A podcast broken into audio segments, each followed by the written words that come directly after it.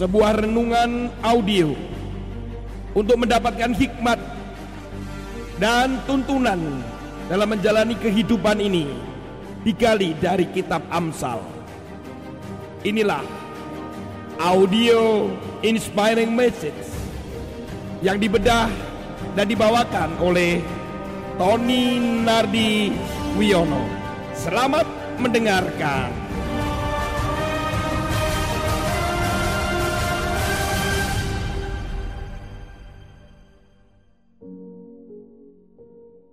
Saudara kasih dalam Tuhan, Shalom. Bapak Ibu sekalian, kita akan masuk dalam pembacaan firman Tuhan hari ini. Dalam kitab Amsal pasal 13 ayat yang ke-13. Siapa meremehkan firman, ia akan menanggung akibatnya. Tetapi siapa taat kepada perintah akan menerima balasan. Saudara, firman Tuhan yang kita baca di mana itu adalah Alkitab mengalami perjalanan yang begitu panjangnya. Dari penemuan-penemuan para arkeolog, bagaimana perjuangan menerjemahkan sampai kemudian keluar berbagai versi dan itu sangat luar biasa sekali saudara. Dalam sebuah perdebatan antara Kristen dan Islam beberapa tahun yang lalu.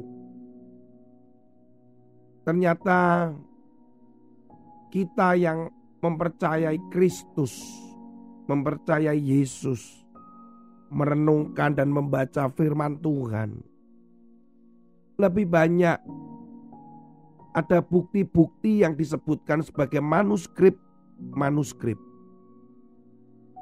Bahwa semua tulisan-tulisan itu yang kemudian dari berbagai bahasa diterjemahkan itu ada bukti otentik dalam bentuk manuskrip-manuskrip. Ada sejarahnya. Ada bukti-bukti ada parkamen, ada museum yang menyimpan gulungan-gulungan kitab. Saya pernah mendapatkan kesempatan untuk melihat sejarah Alkitab di sebuah museum di Florida, Amerika Serikat. Perjalanan yang luar biasa sekali, saudara. Bahkan saya juga pernah dapat kesempatan pergi ke Lembaga Alkitab Indonesia untuk melihat proses dari awal pencetakan Alkitab hingga sampai pada packing dan persiapan pengiriman. Tetap saja Alkitab menjadi buku yang paling laris. Walaupun semakin lama tergerus oleh digitalisasi. Orang membaca Alkitab lewat platform digital. Baru-baru ini saya mendapatkan dan membaca berita bahwa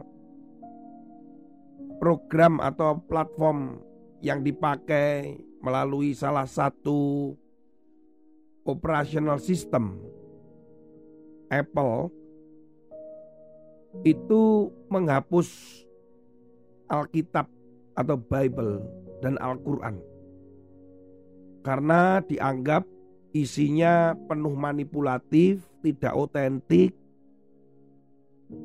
Saya belum lengkap jujur membaca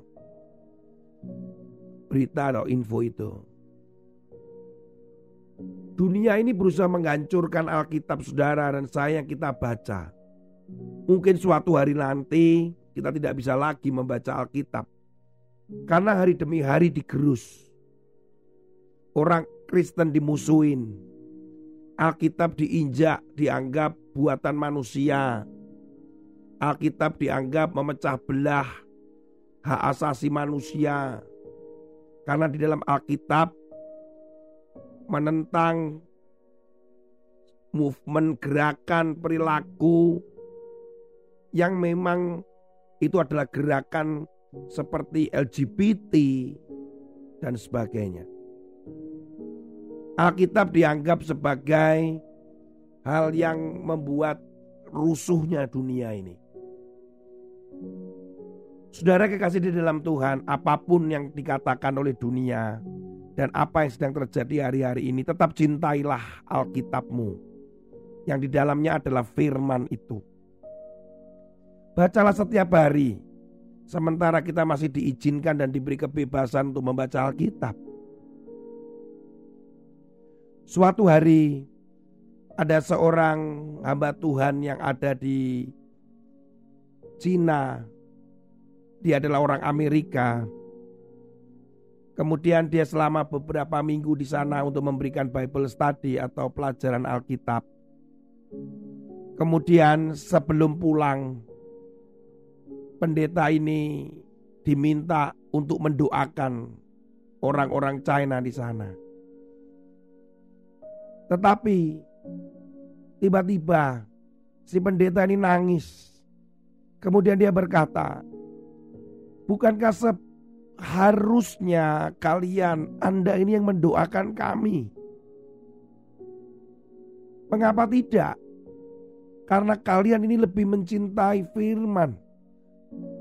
Mereka tidak perlu membaca firman yang dibaca, tetapi mereka hafal. Karena kondisi tertekan di mana mereka tidak boleh menyimpan Alkitab. Sehingga mereka itu menghafal Alkitab ayat demi ayat. Bahkan ketika mereka dimasukkan di dalam penjara untuk membaca Alkitab sampai beberapa orang harus membungkus makanan dengan kertas-kertas yang ada di Alkitab sobekan itu. Supaya ketika mereka makan mereka bisa membaca ayat demi ayat dan kemudian kertas itu kembali dimakan oleh mereka supaya tidak ketahuan oleh para penjaga atau pemerintah. Saudara, mereka begitu mencintai Alkitab, mengerti Alkitab, mengerti firman tepatnya. Di Yayasan Cinta Orang Miskin, kami anggota pembina kami adalah seorang tukang becak bernama Pak Anwar. Dia adalah seorang hamba Tuhan yang sempat berkeliling dia melayani Tuhan. Hanya seorang tukang becak pergi ke Australia, Malaysia, Singapura, dia melakukan pelayanan itu dan mereka berkhotbah. Saudara bayangkan ternyata Pak Anwar ini tidak bisa membaca satu kata pun dari Alkitab yang biasa kita baca itu. Tetapi setiap kata-kata yang dikeluarkannya adalah firman. Bagaimana mungkin orang yang tidak bisa membaca tetapi dia mengerti ayat, menyampaikan ayat, mengungkapkan di mana itu ayatnya? Saya adalah salah satu saksi matanya saudara. Hari ini beliau masih hidup, masih melayani. Diperkirakan umurnya di atas 100 tahun. Tetapi dengan semangat masih melayani, membaca firman Tuhan.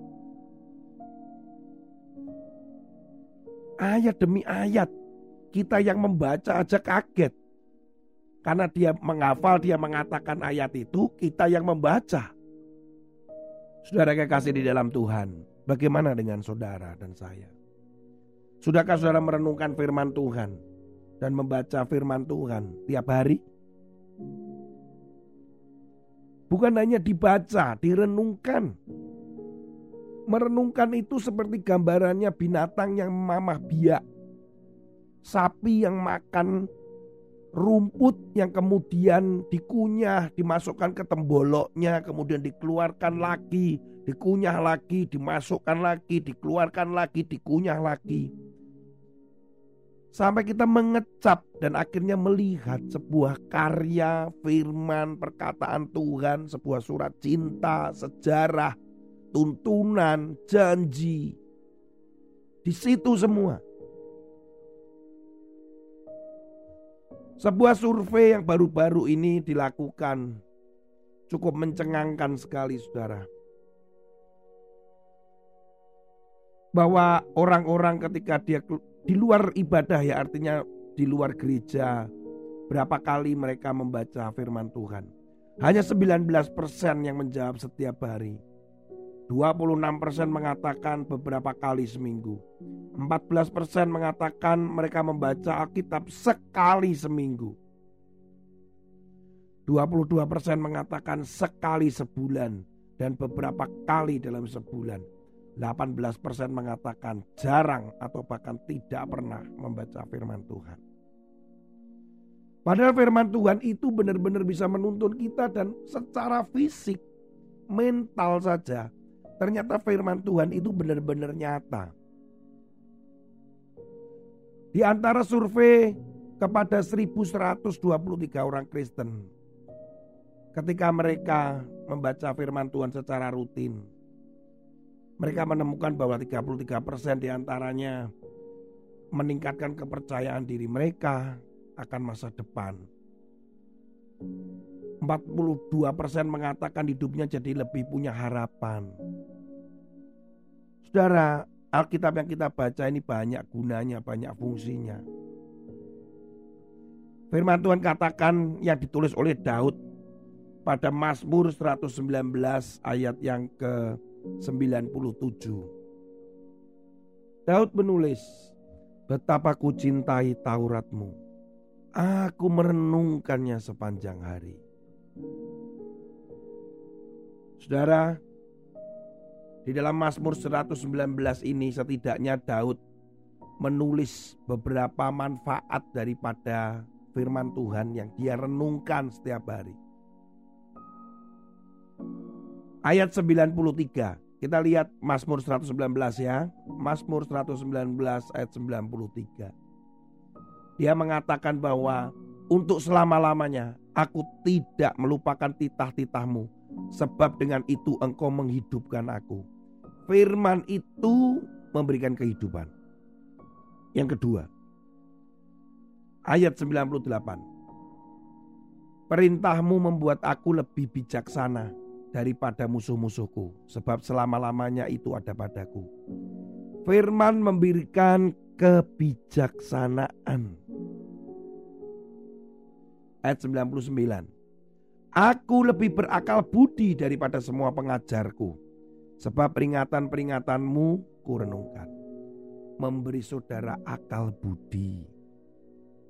4. Ayat yang ke-100. Aku lebih mengerti daripada orang-orang tua. Sebab aku memegang titah-titahmu.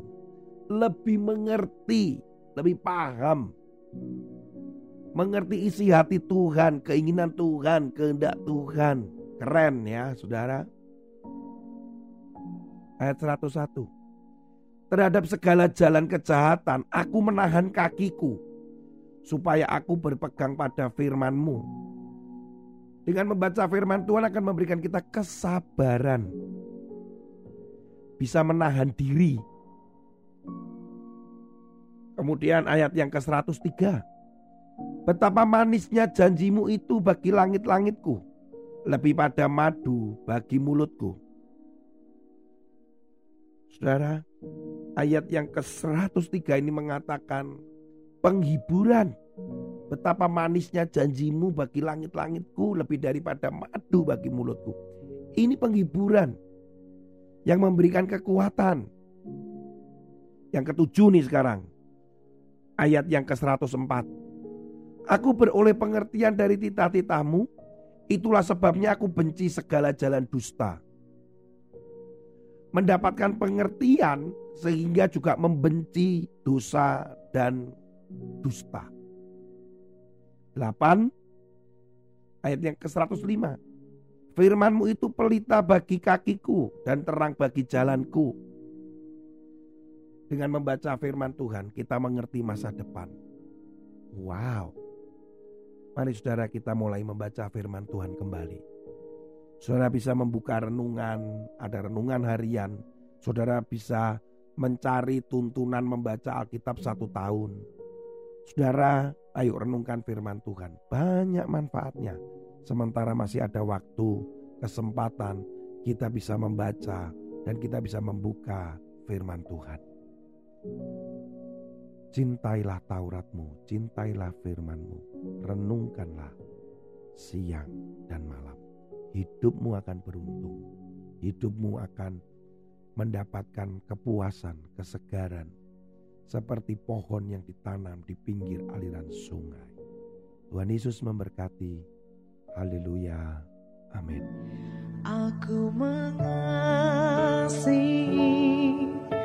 Engkau Yesus dengan segenap hatiku.